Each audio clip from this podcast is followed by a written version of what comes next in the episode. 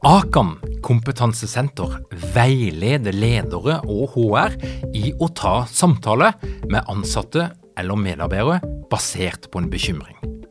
Akan setter ledere og medarbeidere i stand til å forebygge og håndtere en problematisk bruk av alkohol, narkotika, legemidler, spill eller doping blant ansatte. Ønsker du å lære mer om god forebygging og gjennomføring av samtale med en som du er bekymra for? Da kan du nå få tilgang på Akan sitt digitale samtalekurs til spesialpris, kun 760 kroner. Målet med kurset er å gjøre deg tryggere i det som kan være en krevende, men viktig samtale å ta i lederrollen. Du får tilgang til kurset med å gå til samtalekurs.no, samtalekurs.no, og bruke kampanjekoden LEDERPODDEN. Tilbudet gjelder ut april. Dette er en podkast fra Execu. Vi hjelper organisasjoner å utvikle enda bedre ledere og ledergrupper. Lær mer på execu.no.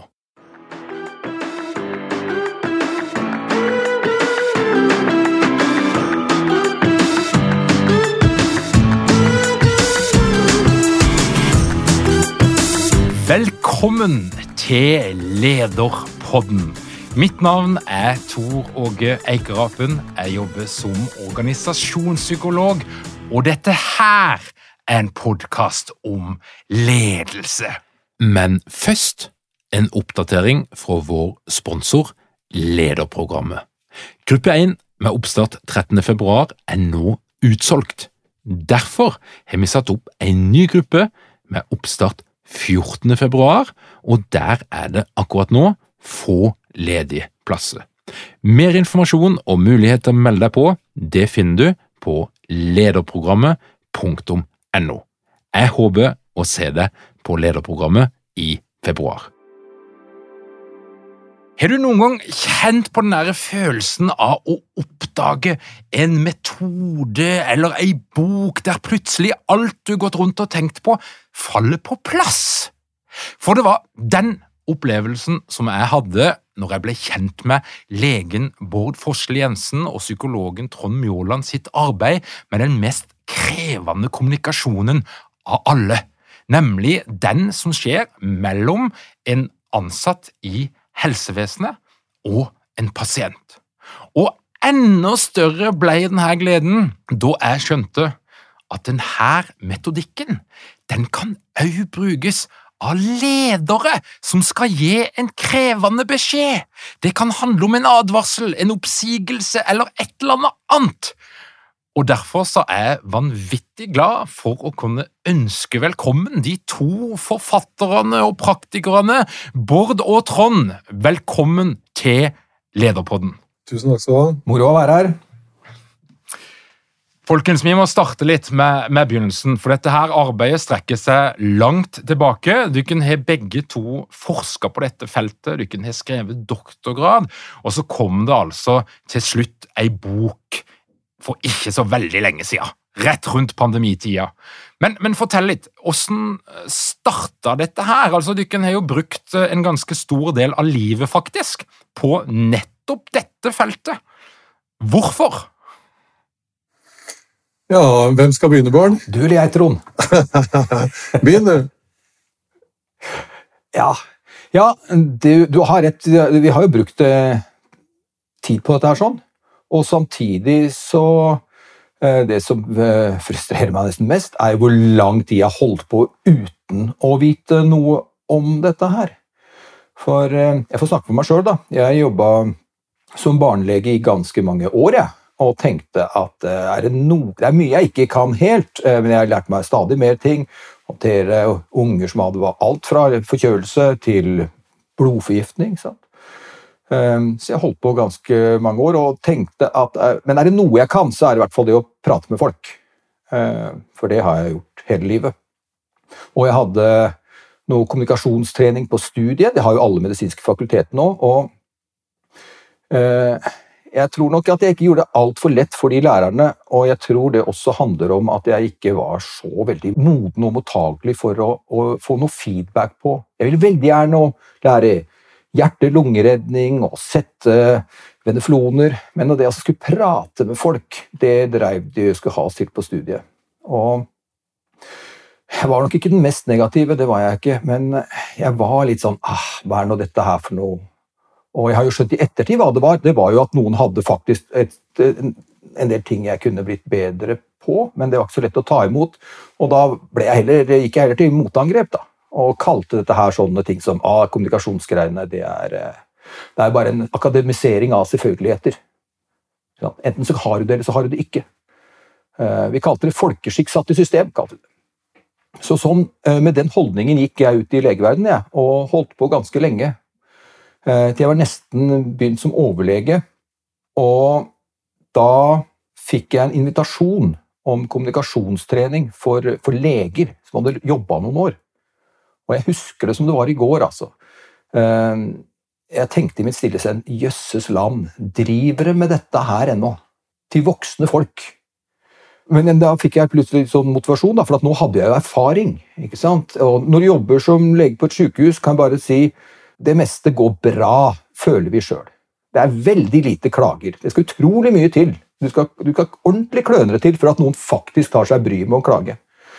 Så rundt, jeg gikk rundt og tenkte da at eh, Ja, men dette går jo bra. Det er jo ikke så rart, for jeg er jo, jeg er jo sikkert flink.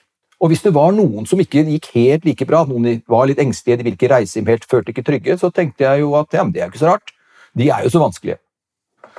Veldig behagelig å ha det sånn, kan jeg bare si. Jeg Nesten, nesten så jeg savner den tida.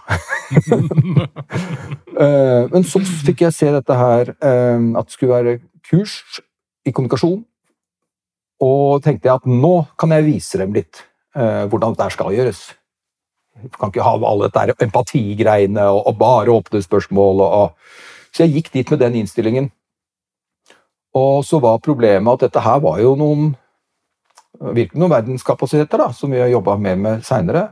Så problemet var jo at de hadde jo møtt sånne som meg før eh, med den innstillingen. Så de klarte altså, eh, og her hadde jeg liksom holdt på, da, å håndtere min sånn skepsis og sårbarhet og motstand, og ta det ned.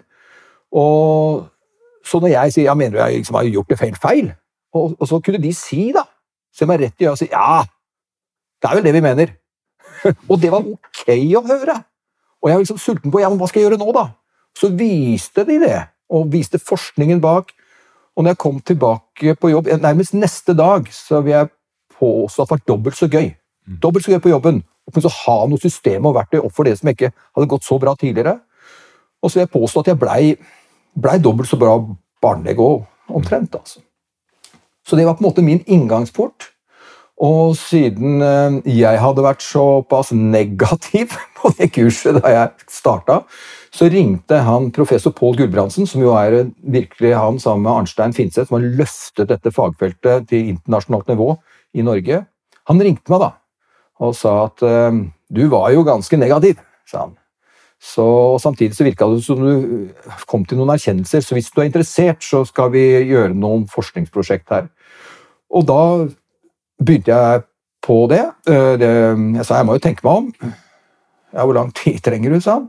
Ja, et kvarter. Du bare hører med, med hjemme.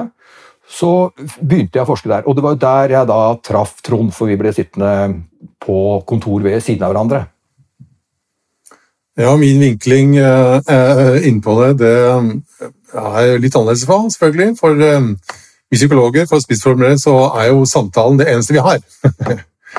Så det med å ha bredt spekter av samtalemetoder og skjønne liksom samtalens betydning for hva man skal oppnå osv., det um, hadde jeg i hvert fall en sånn innledende forståelse for når jeg begynte å praktisere som psykolog og konsulent uh, og sånn. Og, uh, så jeg har jobbet som konsulent siden 95. Og så et av oppdragene vi fikk, var også jobbe med, med en gjeng fastleger og så hjelpe de å snakke med pasienter med lettere psykiske lidelser. Og de ønsket da å lære mer om diagnoseverktøy og medisiner osv. Eh, men, men vi, eh, meg og en kollega som heter Nina Bråten, vi, vi sa det er jo ikke det de trenger, de trenger altså å lære å snakke med folk på en annen måte. Um, så vi begynte å lære dem noen metoder, da. Eh, helt sånn grunnleggende. Åpne, lukka spørsmål osv. Og, så videre, og det, det slo som ei slegge. Det ble så vellykka. Vi begynte å snakke om fokus på mestring, og liksom hva, hvilke ressurser folk kan trekke på. for å, Når du kommer til legen da, og har vært deprimert kanskje et halvt år, så har du jo holdt ut et halvt år. Så du har hatt en metode for å holde det gående i det halve året. Det er fantastisk. Og så kunne vi liksom vekte det samtidig med sykdomsfokuset. Så det her slo jo veldig, veldig eh, godt an. Så, så, så, så tenkte jeg at søren heller, her er jo et svært eh, behov som ikke er, er dekka. Og, og, la oss se hvordan det ser ut sånn rent akademisk. Hva er det man liksom vet om hvordan samtalemetodikk brukes i, i helsevesenet for å, for å, bli bedre leger? Og da kobla vi opp da, til, til Arnstein Finseth, som Bård nevnte, og Pål Gulbrandsen og den den gjengen. Og, og bare i gang da med, med forskning si, før, vi, før vi ante ordet av det. Um, og det var jo superkult, for da fikk vi satt det her i system. Uh, og sånn. Og en av de tingene som vi da som alle som var stipendiater på, på den avdelingen på universitetet på Institutt for medisinske basalfag, det var rett og slett å undervise studenter. Så med en gang du begynte der, så bare vopp, rett ut og undervise. Og jeg syns det er veldig kult å undervise. Jeg har liksom alltid eh, drevet med det på et eller annet vis. Jeg. Begge foreldrene mine er lærere, og vi har snakka om eh, didaktikk og alt sånt så lenge jeg kan huske. Så jeg bare tok det på strak arm og begynte å undervise. Og så begynte Bård, da. Og så begynte vi liksom å ta en kaffe etter å ha vært undervist. Og den kaffen det ble to kopper, og det ble tre kopper, og det ble en ny kanne. Og liksom vi sånn grov oss ned i det her gleden over å eh, undervise, og overføre ikke bare eh, kunnskapen, men ferdigheter. For det er noe annet. da. Forståelse kan du, liksom, da kan du gi folk, sende folk en SMS, da. men det å lære å snakke på en bestemt måte, eh, og lære å skjønne hva de ønsker å oppnå, og så ta et steg tilbake og tenke hva slags eh, metode bør jeg da bruke mm. for å komme dit jeg ønsker å oppnå. I medisin, da, for eksempel, hvis du ønsker å at folk ta, faktisk tar medisinen du skriver ut, så må du bruke en metode. Og hvis du vil roe ned en sint pappa, så må du bruke en annen metode. Så det ble vi sittende og prate veldig veldig mye om, eh, Bård og meg, og drikke masse kaffe. Og, og liksom etter hvert da formulere vår egen måte å undervise det her på. Eh, som, som, vi praktiserte mer og mer og mer og mer. Og så var jo ironien det at vi tenkte at siden dette Eh, det er masse forskning på det. Liksom Stavern med empiri er ganske stor da, om hva, hva, man bør gjøre. Sånn tørr, faktabasert kunnskap. Um, og så tenkte jeg ja, ja, men det er sikkert noen der ute i verden som driver og, og underviser. da, Leverer det tilbake til klinikkene rundt omkring i helsevesenet. Det må jo finnes, det. Det er bare at um, det var det ikke. det var ingen. Så med andre ord så var ikke helsevesenet oppdatert på de beste metodene. Så da, det ble liksom vårt kall, da. Siden ingen andre bygger den broa tilbake fra forskningen til klinikken. Det har foregått et slags eh, akademisk røveri, for å si det litt morsomt. da. Man har gått inn i en avdeling på sykehus, forska som gæren, trukket ut data, lært masse, og så ikke sagt det til noen. Så vi tenkte vi får pakke inn den kunnskapen i en, en god pedagogikk, og så begynne å lære opp helsevesenet igjen på de metodene som da er oppdatert. Og så begynte det virkelig å rulle, Bård, sant? Ja, det var jo det det gjorde. Og i all fairness da, så er det jo ikke sånn at vi har bare forska og forska og ikke sagt til noen, men det var en sløyfe som ikke var fullendt. Så forskning har blitt kanalisert ned til medisinstudentene. Eh, og så blir vi studentene, der var jo jeg også, så får lære vi det. Men av en eller annen grunn så har ikke det liksom blitt en del av kulturen ut i klinikken igjen, da, som heter ut i sykehusene, og på fastlegekontorene, på nødmeldesentralen. Um, og, og, det syns jo vi var ganske merkelig.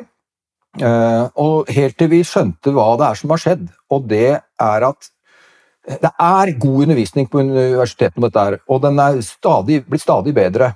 Uh, og studentene som går nå, er, uh, ja, det er mye bedre enn det jeg var, i hvert fall. Kommunikasjonsmessig.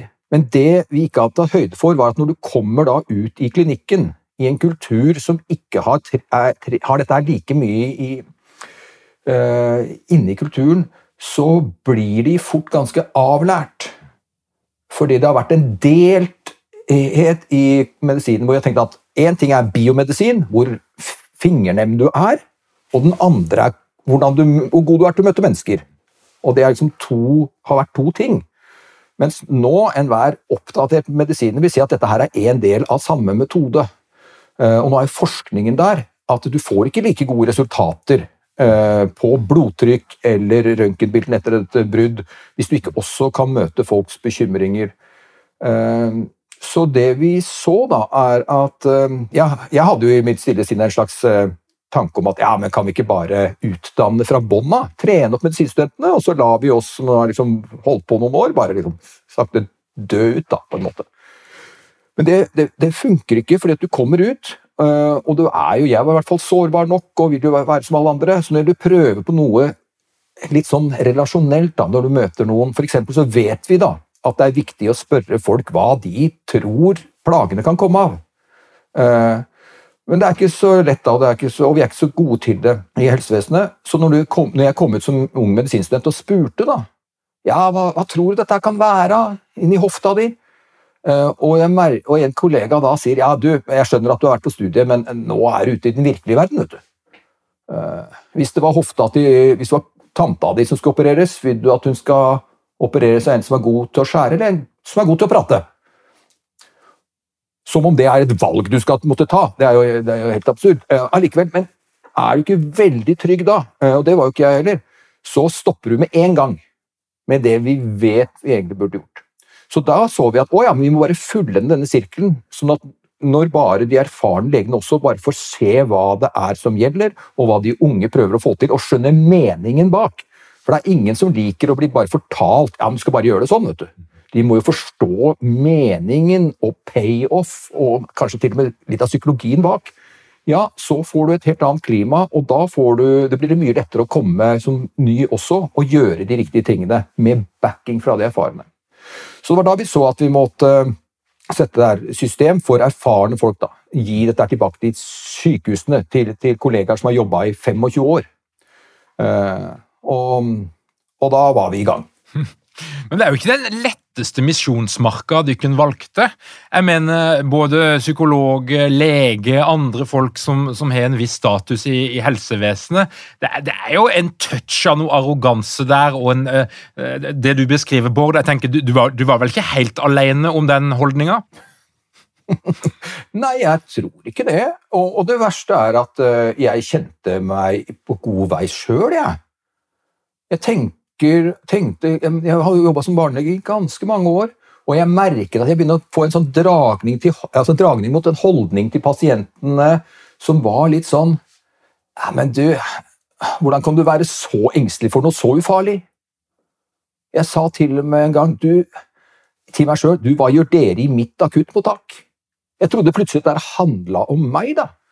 Uh, og, og pasientene begynte å gå litt over litt sånn sort-hvitt, på en måte. Det ble en slags strøm av folk som jeg Og så hadde dette handla om meg og min jobb. Så det var først når jeg forsto viktigheten av å skru på et slags sånt nysgjerrig modus, da. Det å være faktisk, er, Hvordan går det an å være så engstelig for noe så ufarlig? Hvordan er det du tenker? Og når, du, når folk begynner å fortelle om det, det er, det er sånn jeg tenker, da, da får du plutselig en Da kommer jo alt tilbake i farger. I 3D omtrent, ikke sant? Eh, men men jeg, jeg, det var på en måte en del av en slags kultur som vi bare ble Jeg ble i hvert fall dratt litt sånn inn i det, eh, og det og jeg har fortsatt ikke forstått helt hvordan det kan ha seg, for det er varme, gode folk som jobber her. Virkelig. Eh, Men vi er, det er nok fordi at vi er oppdratt til at vi skal ha alle svar, og at vi er flinke når vi vet, kan ting og kan fortelle ting. Og det, og det gjør også at da begynner vi å gjette på hva folk tenker og trenger, istedenfor å spørre.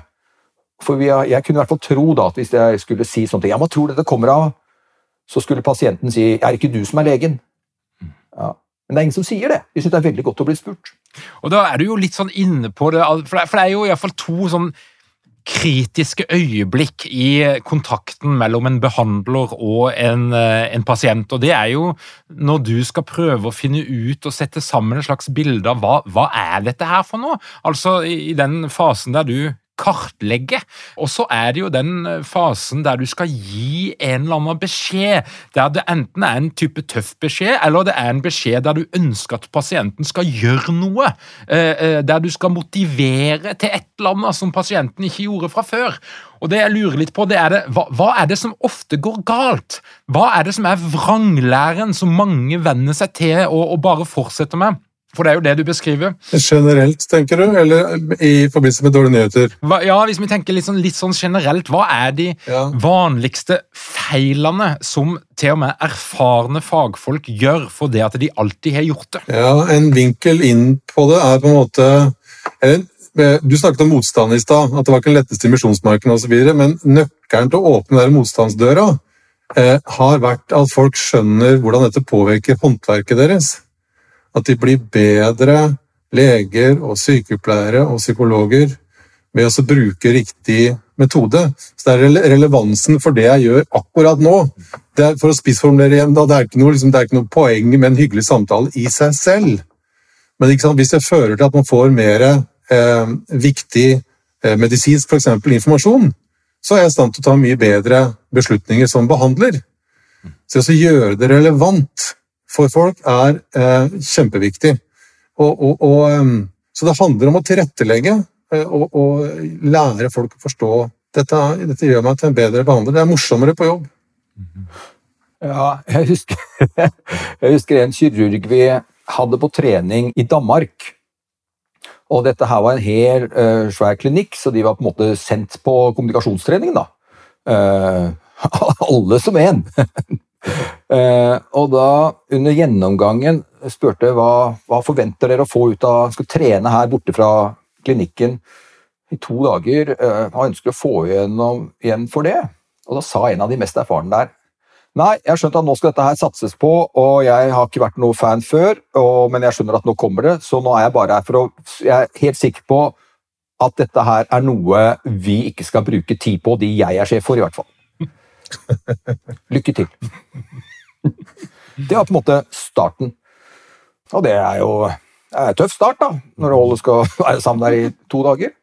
Uh, og Allikevel så fulgte vi noe planen. Det er det som er fordelen med en plan. at uh, uh, Du får jo fortsette den. Og Så dette kurset gikk nå sin gang, og så var det over.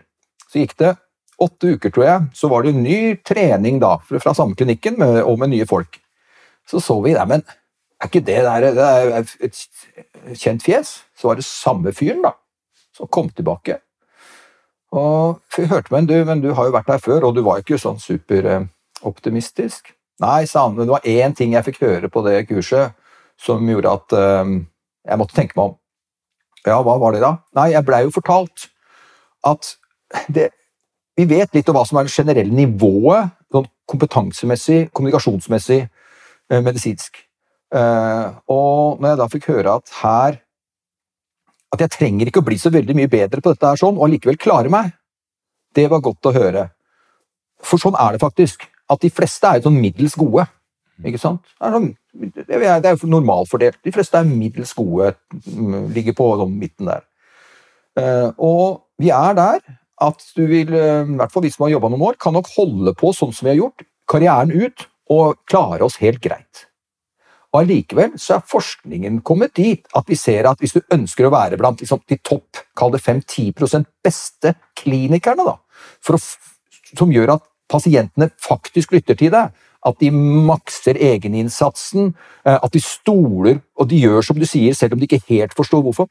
Alt dette her sånn. Eh, ønsker du å være blant de 5-10% beste klinikerne, så kommer du ikke lenger unna med å ikke kunne dette her sånn. Har, men det er jo opp til enhver hva slags kliner du kan være. Så da sa han ja. Og det kan jeg ikke ha på meg! At jeg ikke er blant de beste i landet. Der, sånn. Så nå er jeg her igjen. Uh, og, og, det er nok eh, noe av nøkkelen at folk er, ønsker å være flinke. De har bare ikke sett verdien for pasientene. Uh, for kommunikasjon har vært litt sånn soft fag. ikke sant? Uh, man spør liksom harde endepunkter. Ja, kan du vise at du redder liv? Ja, vi er ikke, det, er, det er ganske vanskelig, men nå er vi f.eks. der når du ringer nødnummeret, at vi, vi, kan, vi viser at det redder sekunder. da. Ikke sant? Kanskje opptil et halvt minutt fra du ringer til ambulansen er på vei. Og da begynner det å ligne. Eh, og, og da vil jo selvfølgelig 113-sentraler og sånn ha dette her inn, fordi det, det kan virkelig sette eh, en pil til hvordan dette påvirker kvaliteten på det vi leverer. Og det har nok vært nøkkelen til å få på en måte folk lyst til å trene. At de, eh, i tillegg til at vi har eh, tatt på alvor den skepsisen som er, for du må vite at de aller fleste som har levd noen, har jo vært på en eller annen slags form for kommunikasjonstrening, og ikke alt har vært like bra, syns dem, da. Eh, og vi, vi hører, det vi hører folk si, at det har liksom vært to kategorier. Enten så er det sånn at du har vært i en forsamling hvor alt er ok. Ja, det er så bra, og det blir en sånn der eh, hyggering hvor eh, det er masse, masse empati, da. Hele tiden skal bare marinere folk i empati. Vi holdt jo på på studiet, og empatigreiene til vi fikk empatitt, som det heter. Det var liksom det som skulle til. Enten så har de vært med på det, og det blir for soft og for flagrende for mange. Eller så har de vært i noen veldig sånn Ja, du må trene rollespill i noen sånne der radbrekkende seanser hvor du bare kjenner skammen tatoveres inn i nakken din, og, det orker du jo ikke igjen. Så det å altså for endra dette her til at det er ferdighetstrening, og vi vet hvordan man skal trene det opp, eh, og hva er viktigst for deg å få til? Jo, jeg ønsker å bli bedre på det. Ok, da starter vi der. Det tror jeg har vært en del av suksessoppskriften. da. Og Du er jo veldig tydelig på at eh, dette her er ikke noe du kan lese deg til. Og Jeg må jo si at jeg savner jo ifra psykologistudiet Jeg fikk aldri tilbakemelding på at jeg er en elendig lytter. Jeg måtte jo meg, altså jeg måtte jo gifte meg før jeg skjønte det. Ingen som sa det på studiet mitt. Og så, så min, min, min opplevelse er jo at det til og med i et studie som en tenker skal være fokusert på samtale og kommunikasjon, så, så mangler en kanskje det mest sånn praktiske elementet. Trening, feedback, tydelige tilbakemeldinger. Men hva er det som, når dere driver med trening, så handler jo det om å luke vekk noen uvaner, og så handler det om å trene opp noen nye ferdigheter. Hva, hva er de vanligste uvanene som mennesker, uansett hvilken tittel de måtte ha, eh, driver med? Ja, det er å blande sine egne følelser sammen med den effekten man ønsker å oppnå hos mottakeren. Så hvis jeg er redd da, for å bringe et eh, dårlig eller vanskelig budskap, så vil jeg liksom styre metoden etter det. Ved å bli utydelig, eksempel, eller utsette, eller noe i den retningen. Eller det at jeg tenker jeg, jeg vet hva som er viktig for meg, og da tenker jeg at det samme er viktig for deg. Liksom driver og anta. Assumption is the mother of all fuck-ups. Ehm, og det er en kjempefeil, altså. Så åpne opp og lytte og være nysgjerrig er jo liksom mottiltaket, da. Hva er problemet med å pakke inn et budskap, legge på litt trøstende ord, det er kanskje ikke så farlig? Hva, hva er det som er galt med det? Ja, det gale med det er jo at um, jo mer du sier, jo flere assosiasjoner får folk. Så du mister en slags eh, kontroll på hvilken vei samtalen tar. Og hvis du tar, liksom, hvis du tar metaen da, på det, det vi jobber med, så er det vi driver og trener folk til, er å skjønne fokus på effekt, og hva slags atferd man skal velge for å oppnå en bestemt effekt. Um, sånn at de mekanismene vi underviser, er psykologiske mekanismer på vei mot en bestemt effekt, f.eks. kontroll. Så hvis du gir en dårlig nyhet da, så, og sier masse, så får du veldig mange assosiasjoner hos mottakeren som kan forvirre eller sette i gang prosesser man ikke har eh, oversikt over, som skaper liksom eh, det, det, trengs, det trenger ikke være der. Vi risikerer å bomme. Eh, sånn at det å forenkle og forstå hvilke mekanismer man bruker eksempel da, det også, hvordan skal du gå frem for å gi kontroll til en mottaker av en dårlig beskjed, selv om de ikke kan kontrollere beskjeden i seg selv.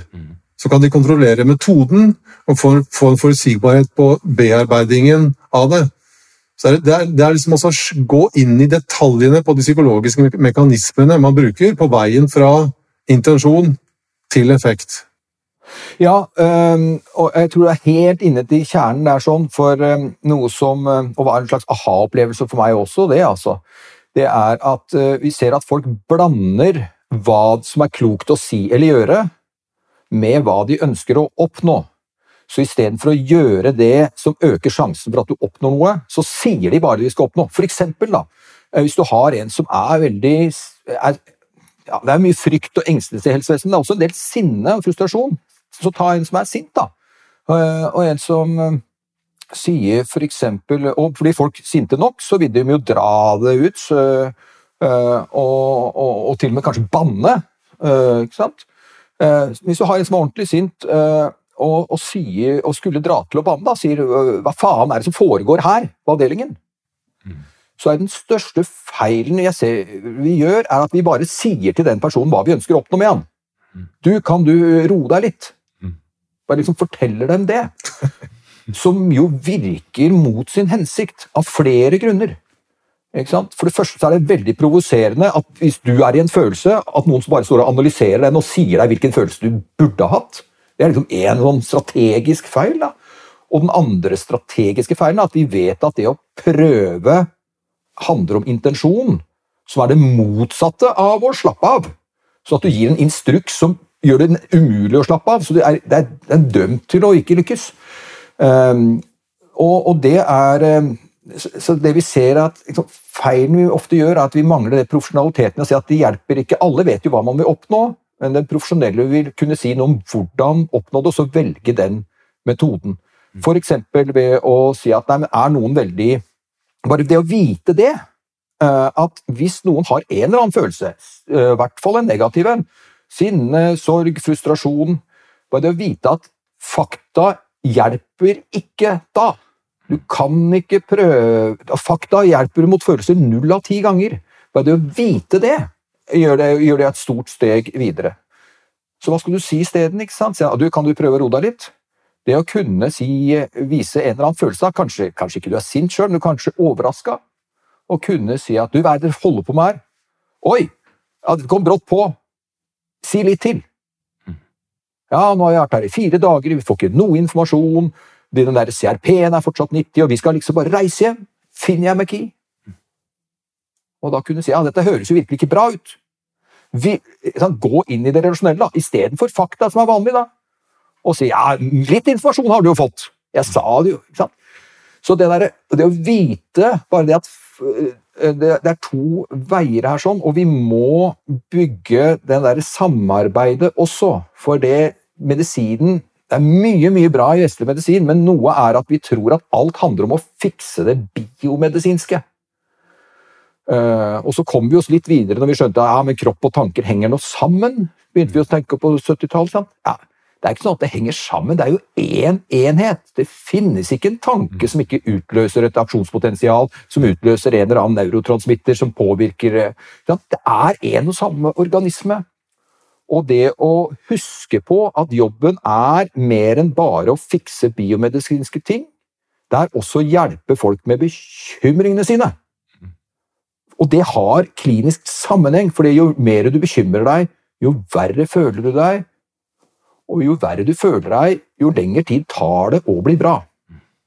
Så den strategiske, det meta som du nevnte, Trond, bare se det ovenfra. Det er en stor sånn aha-opplevelse for mange, og da er de veldig interessert i ja, men hva skal jeg gjøre da? Og da er det godt å ha noen metoder.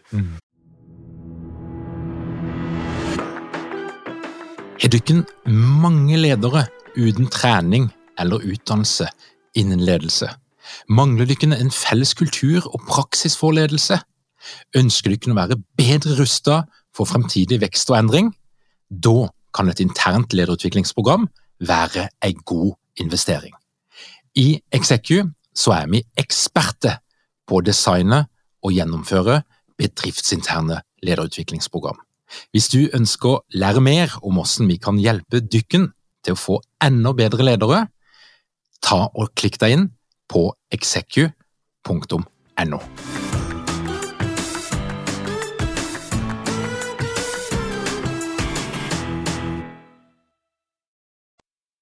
Ja, og sånn rent kommunikativt så er det jo fint å huske på, og vi minner stadig folk på det, at menneskemøter består alltid av to skal vi si, dimensjoner da, samtidig. Vi driver og gjør et eller annet. Eh, vi sitter og prater sammen nå, og så samtidig, eh, helt parallelt, så driver vi og tenker og føler ting for hverandre. Eh, helt automatisk. Vi kan ikke skru det av. Det er sånn vi er skrudd sammen. Sånn evolusjonsbiologisk er det kjempelurt. da, å danne seg hypoteser om, om, om, andre, selv om det bare er hypoteser som kanskje virker, kanskje virker ikke. Men det å kunne tenke eh, La meg velge å si eller gjøre noe som bygger relasjon. Som styrker den relasjonelle aksen, som setter i gang at du tenker riktige og hensiktsmessige tanker om meg. Fordi at relasjoner virker som en slags sånn derre ja, det er sånn generelt eh, smøremiddel i, eh, i helsevesenet og ledelse og overalt. Eh, så hvis jeg f.eks. Eh, eller hvis du da sier til meg, kommer til meg og så sier du jeg er bekymra for, eh, for kona mi, hun drikker for mye. Så hvis jeg da ønsker å være, velge liksom den der eh, relasjonelle eh, aksen og styrke relasjonen mellom deg og meg og være ivaretakende sånn, så kan jeg f.eks. si så bra du tenker på kona di. Eller det er, det er bra du har omsorg for kona di. Hvis jeg velger den saksorienterte, så kan jeg bare si hvor mye drikker hun. Og så Forskjellen på sånne ting som det der, er eh, ja, Det kan man utforske i det uendelige, da. Det er, og det er jo en, en forskjell her. og det er, det er, Når jeg leser i boka deres, er det ikke et eksempel som jeg kjenner litt igjen. For jeg husker min avdøde bestemor, som da bodde på Eikerapen i Åseral. Hun var veldig bestemt på at det var noen leger som var svært gode leger. Dyktige leger. Og så var det noen leger som var totalt ubrukelige. Og det jeg ofte tenkte på, det var jo hvilken kompetanse hadde min bestemor, som ikke hadde noe som helst utdannelse, og som stort sett hadde levd hele livet sitt på Eikerapen. Hvilken kompetanse hadde hun til å vurdere legens kompetanse? Hva handler dette her om? Både og. Både og i gamle dager, for å si det sånn, og da mener jeg opp til sånn 60, kanskje begynnelsen av 70-tallet så var jo idealet at en lege skulle være helt uh, detached, som er begrepet, fra pasienten. Følelsesmessig detached. Og se på pasientene med samme emosjonelle distanse som du så på et kadaver på disseksjonssalen. Det, det, var idealet. Um, og da handler det jo selvfølgelig om fingernemhet og hvor god du er til å sy, og kjenne igjen symptommønstre og stille diagnose. Uh, og så vet vi jo nå da at Eh, det handler om å møte hele mennesket, som det heter, og det mener jeg virkelig. Eh, og hva er det pasienter er gode på? Ja, de, de, de er jo ikke gode på medisinsk-teknisk faglige, med mindre du har hatt den sykdommen lenge, så er det for mye å forvente. Eh, men derimot, men siden, men siden du skal møte både det biomedisinske og folks tanker og bekymringer, da, og det er en totalpakke, det folk er veldig gode på, er å kjenne igjen hva legen gjør og sier som påvirker hvordan du føler deg. Og det klarer alle, voksne som barn, gamle som unge. Og når hun har følt et eller annet, så er det ikke så lett å sette ord på det. Eh, og folk har nesten bare to-tre kanaler. da. Enten så de skiller folk eh, mellom gode og dårlige. Har jeg en dårlig følelse, så er han dårlig. Har, har jeg en god følelse, så er han god. Uh, og, og, og, i tillegg, hvis du da har en dårlig følelse, så har du også bare to kanaler på uh, hvordan, uh, hvordan skal jeg få det jeg trenger. Uh, nemlig kjenne at jeg som barnelege har skjønt alvoret, f.eks. Og isteden Og der er jo folk der, der, der, kan du ikke forvente at noen skal kunne si at ah, 'nå føler jeg litt utrygg her, jeg tror du er litt litt lite interessert i mitt perspektiv som far, i hva som feiler sønnen min, og så får jeg litt lite empati uh, når jeg uttrykker mine bekymringer, og ikke noe anerkjennelse, fordi jeg har jo faktisk forsøkt med både Paracet og lufta han osv. Folk klarer ikke å si hva som mangler. Uh, de bare kjenner på ubehaget, og så for at for meg for legen til å skjønne hva som foregår, så, må, så har de egentlig bare to spaker, da å bruke. Og det er enten å bli mer emosjonelle, bli mer frustrert eller forbanna. Ikke sant? Og, ikke sant? Ja, men nå må du ta ikke sant? En, for, ikke sant? Det er fortvilelse eller forbannelse. Ja, men jeg aner jo ikke hva jeg skal gjøre. Det er den andre. Eller så må de øke på symptomene. Ja, men det er kjempevondt. Altså, ja, han, men han var mye verre i natt. Og vips, så, så trekker vi liksom i to retninger, da. Eh, med pasienten må bare, for å bli hørt og forstått, dra på symptomer eller emosjonstrykk. Eh, mens legen vil jo holde seg til faktabiten eh, og tenke ja, men det er ikke så farlig, og prøvene er fine, og prøve å roe følelsen med fakta. Og så kommer vi inn i en sånn vond spiral der. Og da har analysen hennes i en moderne måte å se medisin på vært helt riktig. Ja, han kunne han har sikkert A på skriftlig eksamen i biomedisin, men han hadde ikke fått med seg det at vi må hjelpe folk med bekymringene også. Og da er konklusjonen, da Jeg vil kanskje si at han var middels god, da. men du fortjener jo å få en lege som kan begge ting. Mhm. Det, det gjorde hun òg, tenker jeg. Mhm. Du, eh, når var det dere skjønte at denne metodikken, denne måten å tenke på, òg hadde en verdi utenfor helsevesenet? Ja, Det har jeg jobbet med absolutt hele, hele veien jeg som, eh, som, konsulent. Det er, altså, det er mye ledelse i helsevesenet òg, bare for å ha sagt uh, det. Um, uh, men altså Det handler jo hele uh, tiden om hva det er med Hvordan skal du påvirke andre? Driver også og dytter på andre varsomt i en eller annen retning fordi du ønsker å, å oppnå noe. Og da handler det alltid om hva du sier og og hva du gjør. Um, så jeg, jeg, tenker at det er Konteksten er jo eh, forskjellig, men, men, virkemidlene er jo i veldig veldig stor grad akkurat det samme i helsevesen som andre, andre steder. Altså. Så ja. bare bytt kontekst og, og ha de samme metodene. Ja, så var det jo interessant, for vi har jo lenge hatt et ønske og ambisjon om å få satt dette her i et såpass system at vi kan skalere det også. Mm. Uh, og sette treningen i system, og etter hvert også automatisere det osv. Og, og, da, og i og med at vi har sittet i Forskningsparken og strukturert dette her sånn, så må vi jo da forklare samarbeidspartnerne våre. Da, ikke sant? Banken vil jo gjerne vite hva er, det, hva er forretningsideen. Eh, advokatene må vite ja, hva er det dere holder på med. Uh, og For å forklare dem det, da, så måtte vi forklare ja, for så ønsker vi å lage en treningsmodul for å, hvordan gi dårlige nyheter. Ja, hva betyr det? Er ikke det Nei, for eksempel så vet vi at uh, det er en vanlig feil da, uh, i, i, helsevesenet, og mange steder Vi vet at det er en vanlig feil at du um, tenker at fakta det, det, er viktig å være ærlig, f.eks. Mm. ja, det, sånn, bare si det som det er. Mange. men så ser vi at mange har glemt at ja, hvis du er ærlig uten å være kjærlig og varm i tillegg, så blir du bare brutal. Og det er kanskje ikke så bra hvis du ønsker at folk skal allikevel kanskje like deg som samarbeidspartner, for vi skal jo ha et løp sammen videre, selv om det ikke gikk som vi håpte nå.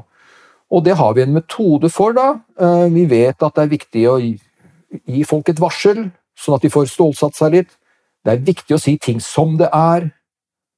La de få komme med sin reaksjon før du prøver å tenke hva de trenger. Eh, og så, og så, så at vi hjelper dem gjennom til en slags sånn nyorienteringsfase ganske kjapt.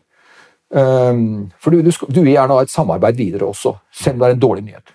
Og når da banken, eh, kontakten vår i banken sier da å ja, ja dette, dette er jo litt sånn vi har òg, jeg gir jo en del dårlige nyheter, jeg også.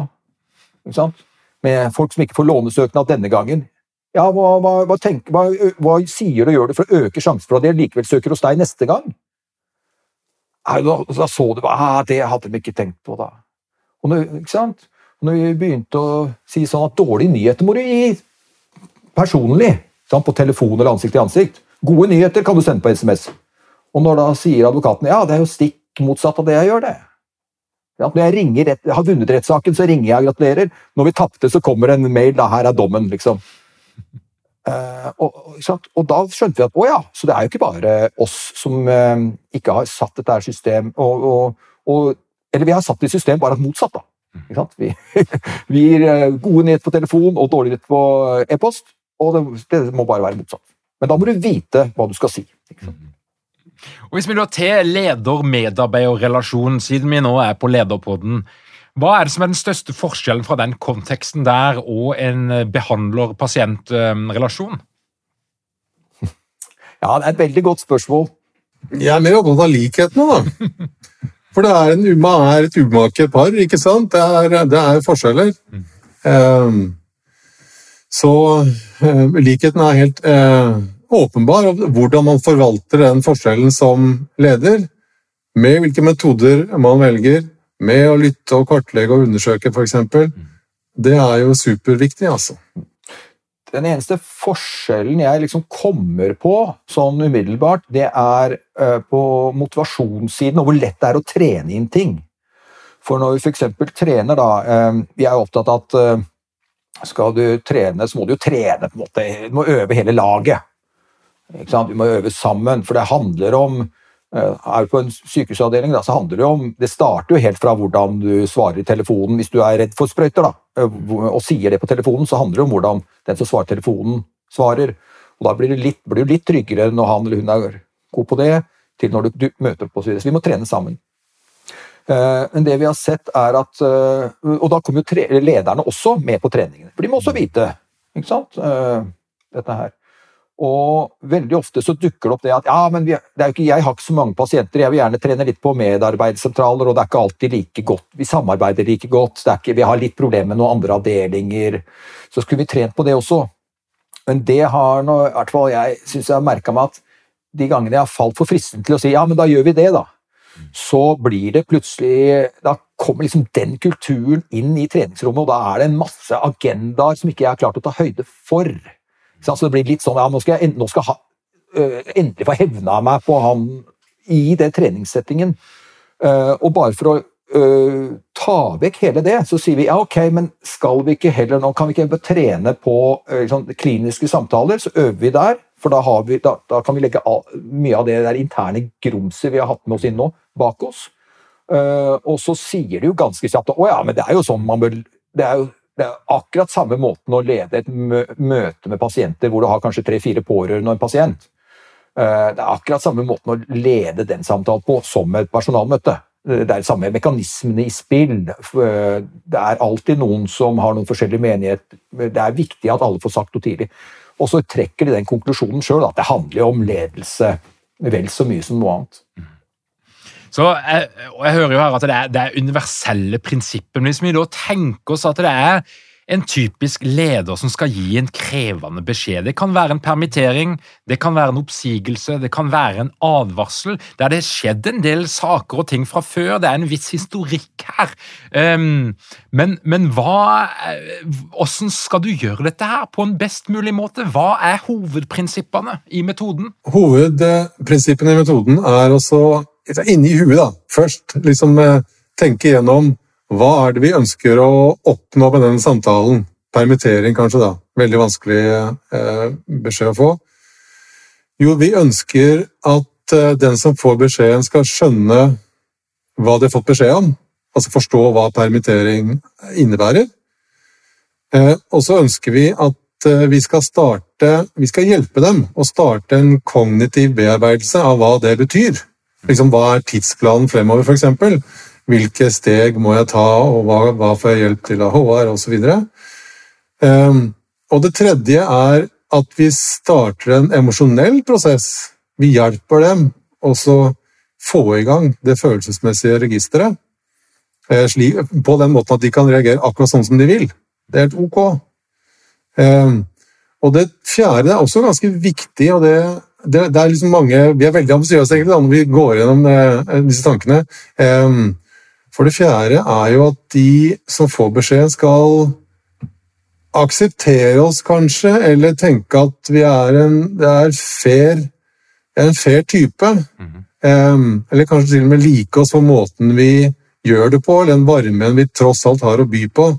Selv om budskapet er vondt, så kan vi være fine folk da, som, som er eh, målbærere av det. Og hvis, Når vi da har liksom det klart, så er det mye lettere å isolere eh, og, og, lage metoden for hvordan det skal gå fram, som, som, handler om å isolere hva er den dårlige nyheten, så koker det helt ned. Så isolere det, slik at vi kan eh, eh, starte der, da. Og så, og så sa du, du sa noe om å varsle, altså det å gi folk en sjanse til å forberede seg litt. Og det syns jeg er kinkig greie for åssen Åssen varsler du uten å gi hele budskapet i varslinga? Eller forberedelsen? Nå snakker vi altså ikke om varsling i en juridisk eh, forståelse her. Kan ikke vi prøve å ta et eksempel, da, Trond? For Jo. Dette er jo en klassiker, det. Eh, Vi kan, vi kan ta Først, eh, liksom, Du spurte om metode. Ja, det er godt å ha en metode å gå fram på. Eh, uh, vi, bare for en anekdote. Vi jobber med et sykehus der uh, det var så mye trøkk på særlig de som svarte på telefonen, på sekretærene, fordi det sykehuset var så bra drevet og hadde så gode resultater at de ble nedringt av folk som hadde valgt dem som sykehus. Eh, Og da var problemet at det var så lang venting at alle som ringte, var jobben til dem å fortelle at vi vet ikke når du kommer inn. Og dette er jo folk med stort hjerte, ikke sant? og det å sitte og skuffe folk systematisk hele dagen, det, det, det, det sugde jo kraft ut av dem. Eh, og da syntes det var veldig godt da, å, vite at ja, men dette har vi metode for, sånn at eh, når du bare følger den, så vet du at dette er så bra, dette kan gjøres. Og da kan du til og med tenke deg at selv om det var en vond beskjed å få, så kan du vite at det var godt det var du som ga den. Eh, Så vite at du har gjort en god jobb, selv om de syns det var tungt å høre. Og da handler det om og En god metode handler om å gi folk muligheten å få opp garden litt. Få stålsatt deg litt, og da gir man det et varsel som er helt tydelig på at nå kommer det noe jeg helst skulle ønske jeg slapp. Og det finnes flere varsler. Én kan jo være bare så enkelt som Du, kan du bli med inn på kontoret mitt og lukke igjen døra? Så vil en del skjønne at nå kommer det noe jeg skulle ønske jeg slapp. Det jeg ofte sier, for å være helt sikker på at folk skjønner, jeg sier jeg er redd jeg har dårlige nyheter. Da følger du med. Mm. Og jeg sier ikke jeg er redd jeg har litt dårlige nyheter, eller nå skal jeg for, det er noe jeg ønsker å fortelle deg. Jeg sier jeg er redd jeg har dårlige nyheter, for da følger du med. Og det er trinn én. Men da har folk eh, stilt eh, beredskapen sin, eh, kommet med beredskapen sin. Så da er poenget at da må du gi dem nyheten ganske kjapt. Og helt usminka.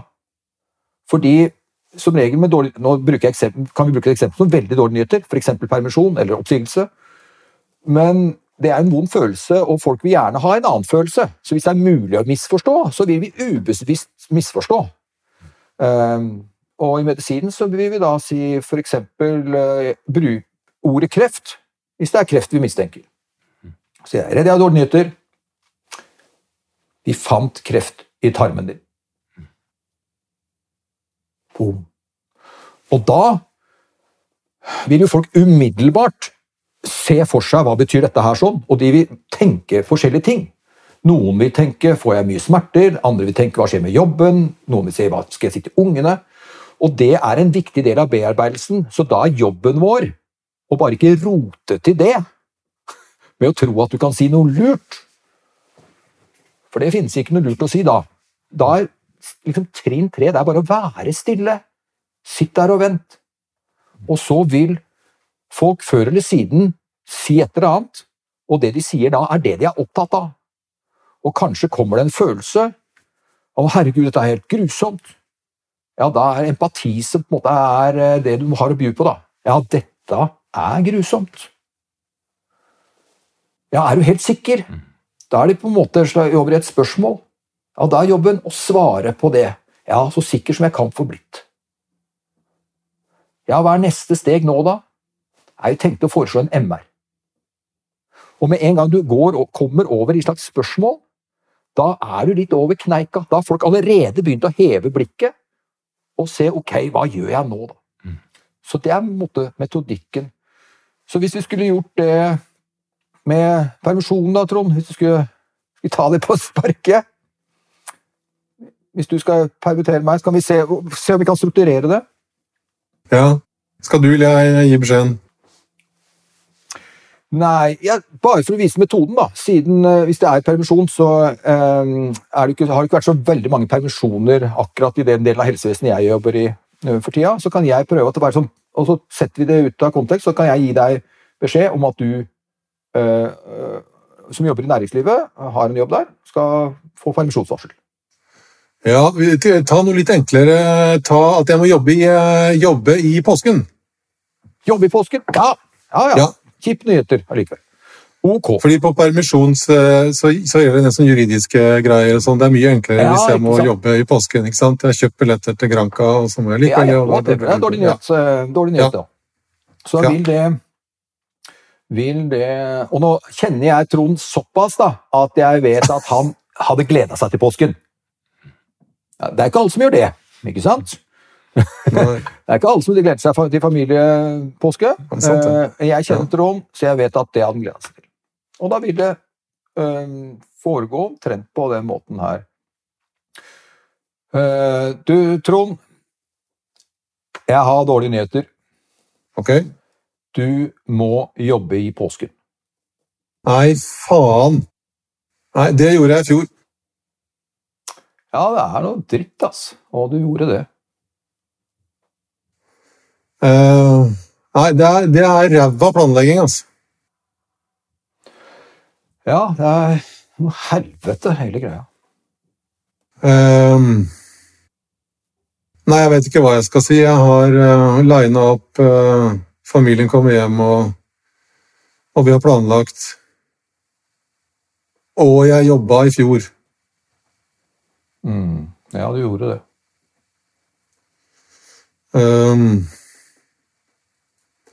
hva, hva, hva Fader, altså. Er det Så jeg kommer meg ikke unna det her.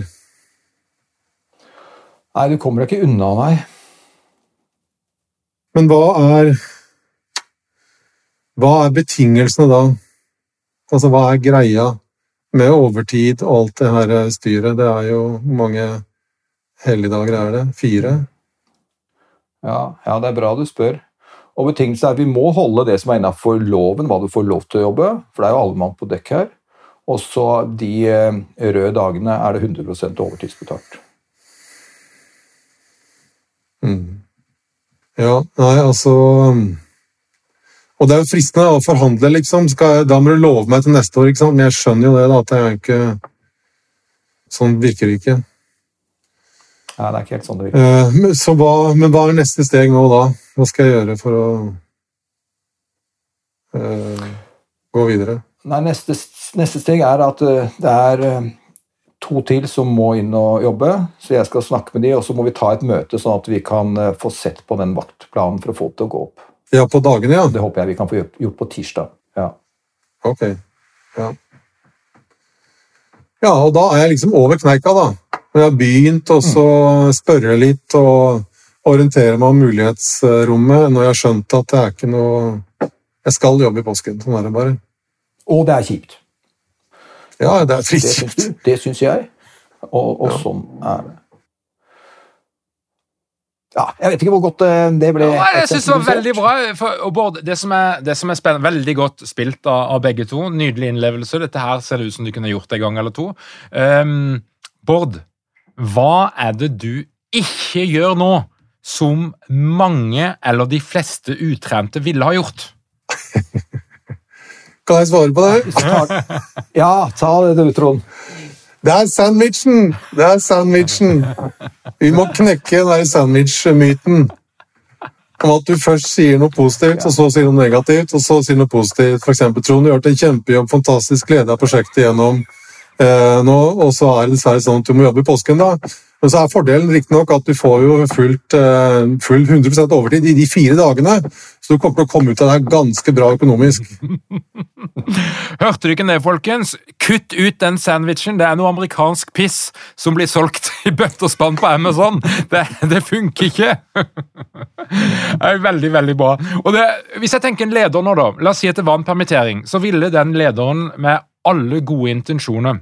Den lederen ville ha tenkt at hvis jeg skal gi et varsel om permittering på mandag, så må jeg varsle om at det kommer et eller annet senest fredag.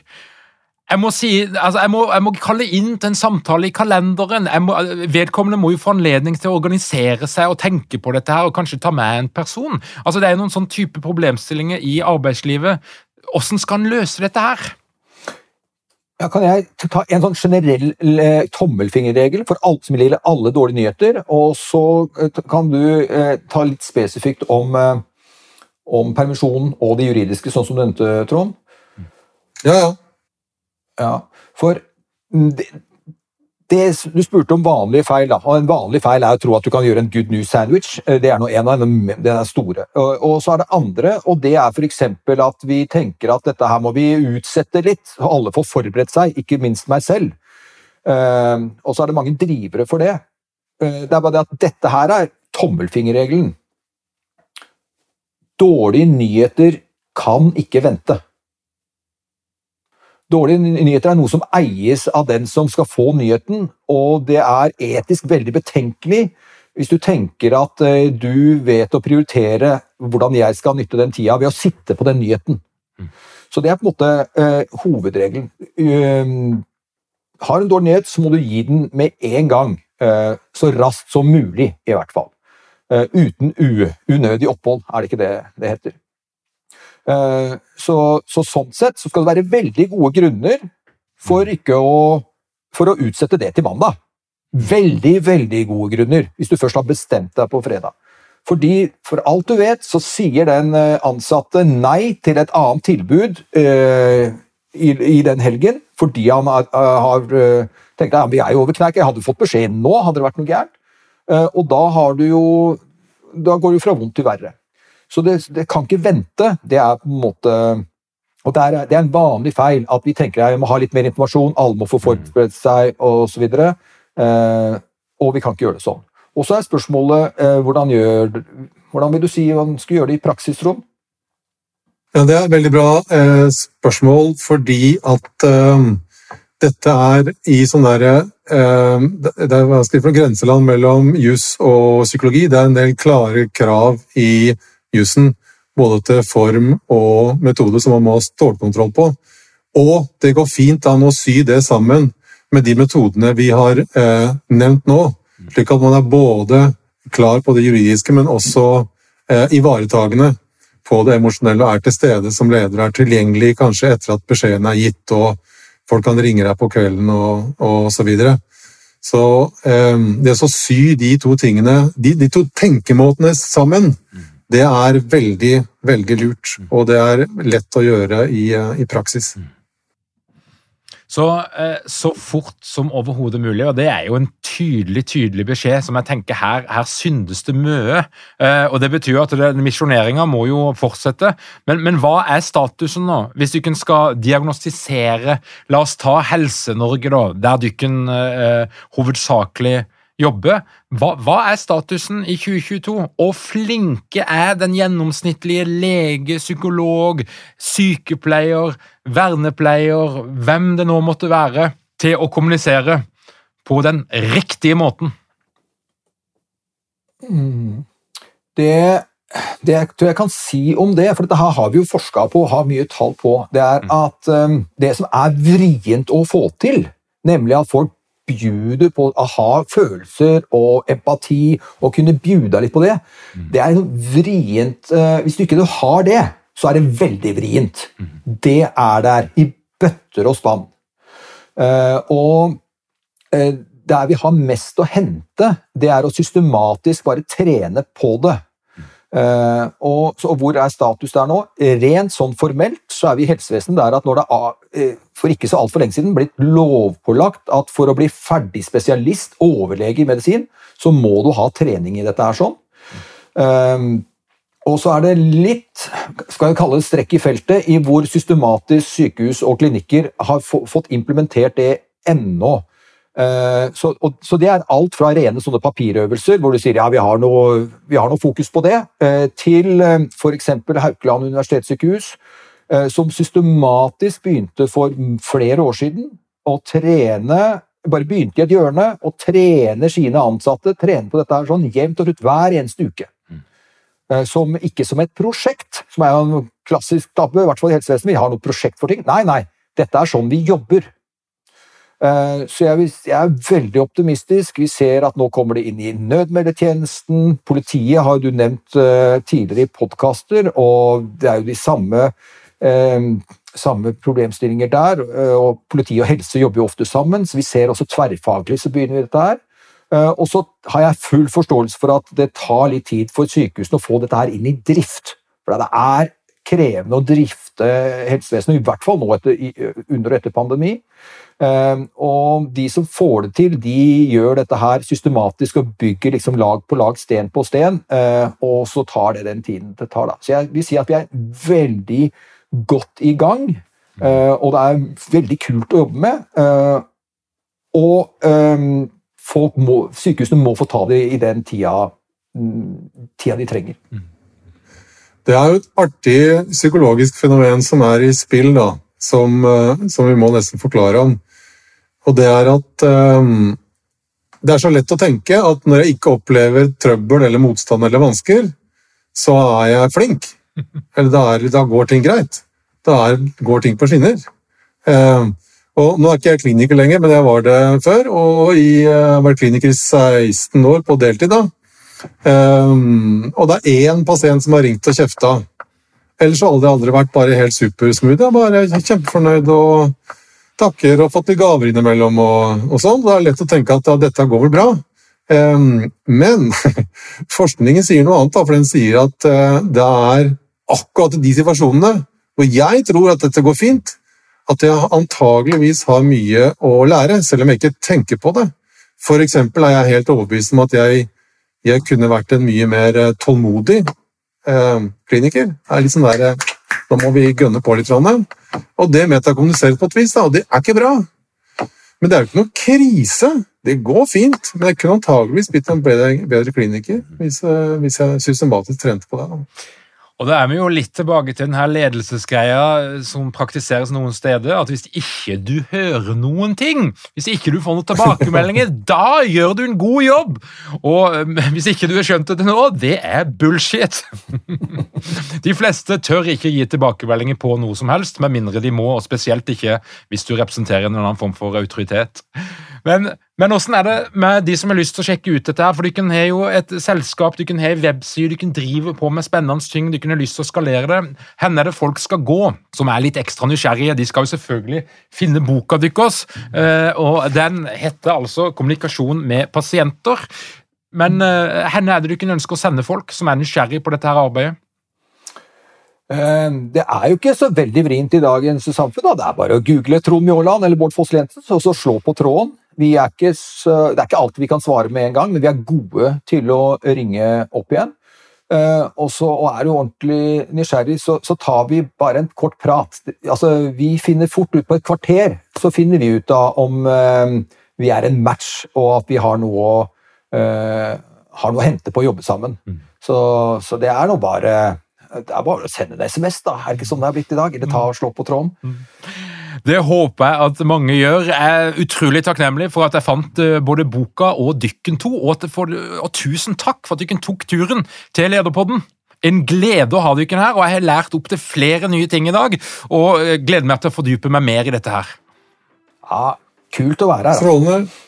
Veldig kult. Ha det godt. Kjære lytter, takk for at du hører på Lederpodden. Hvis du ønsker å få med deg alt som skjer i vårt lederunivers, da kan du gå inn på lederpodden.no.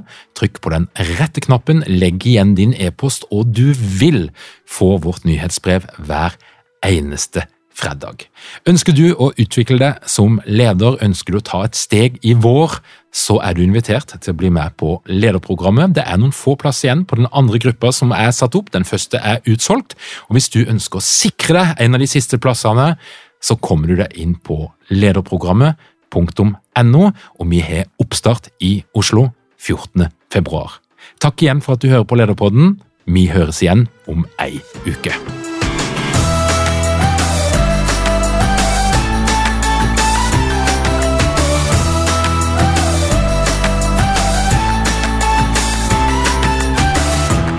Lederpodden er gitt til deg av Execu.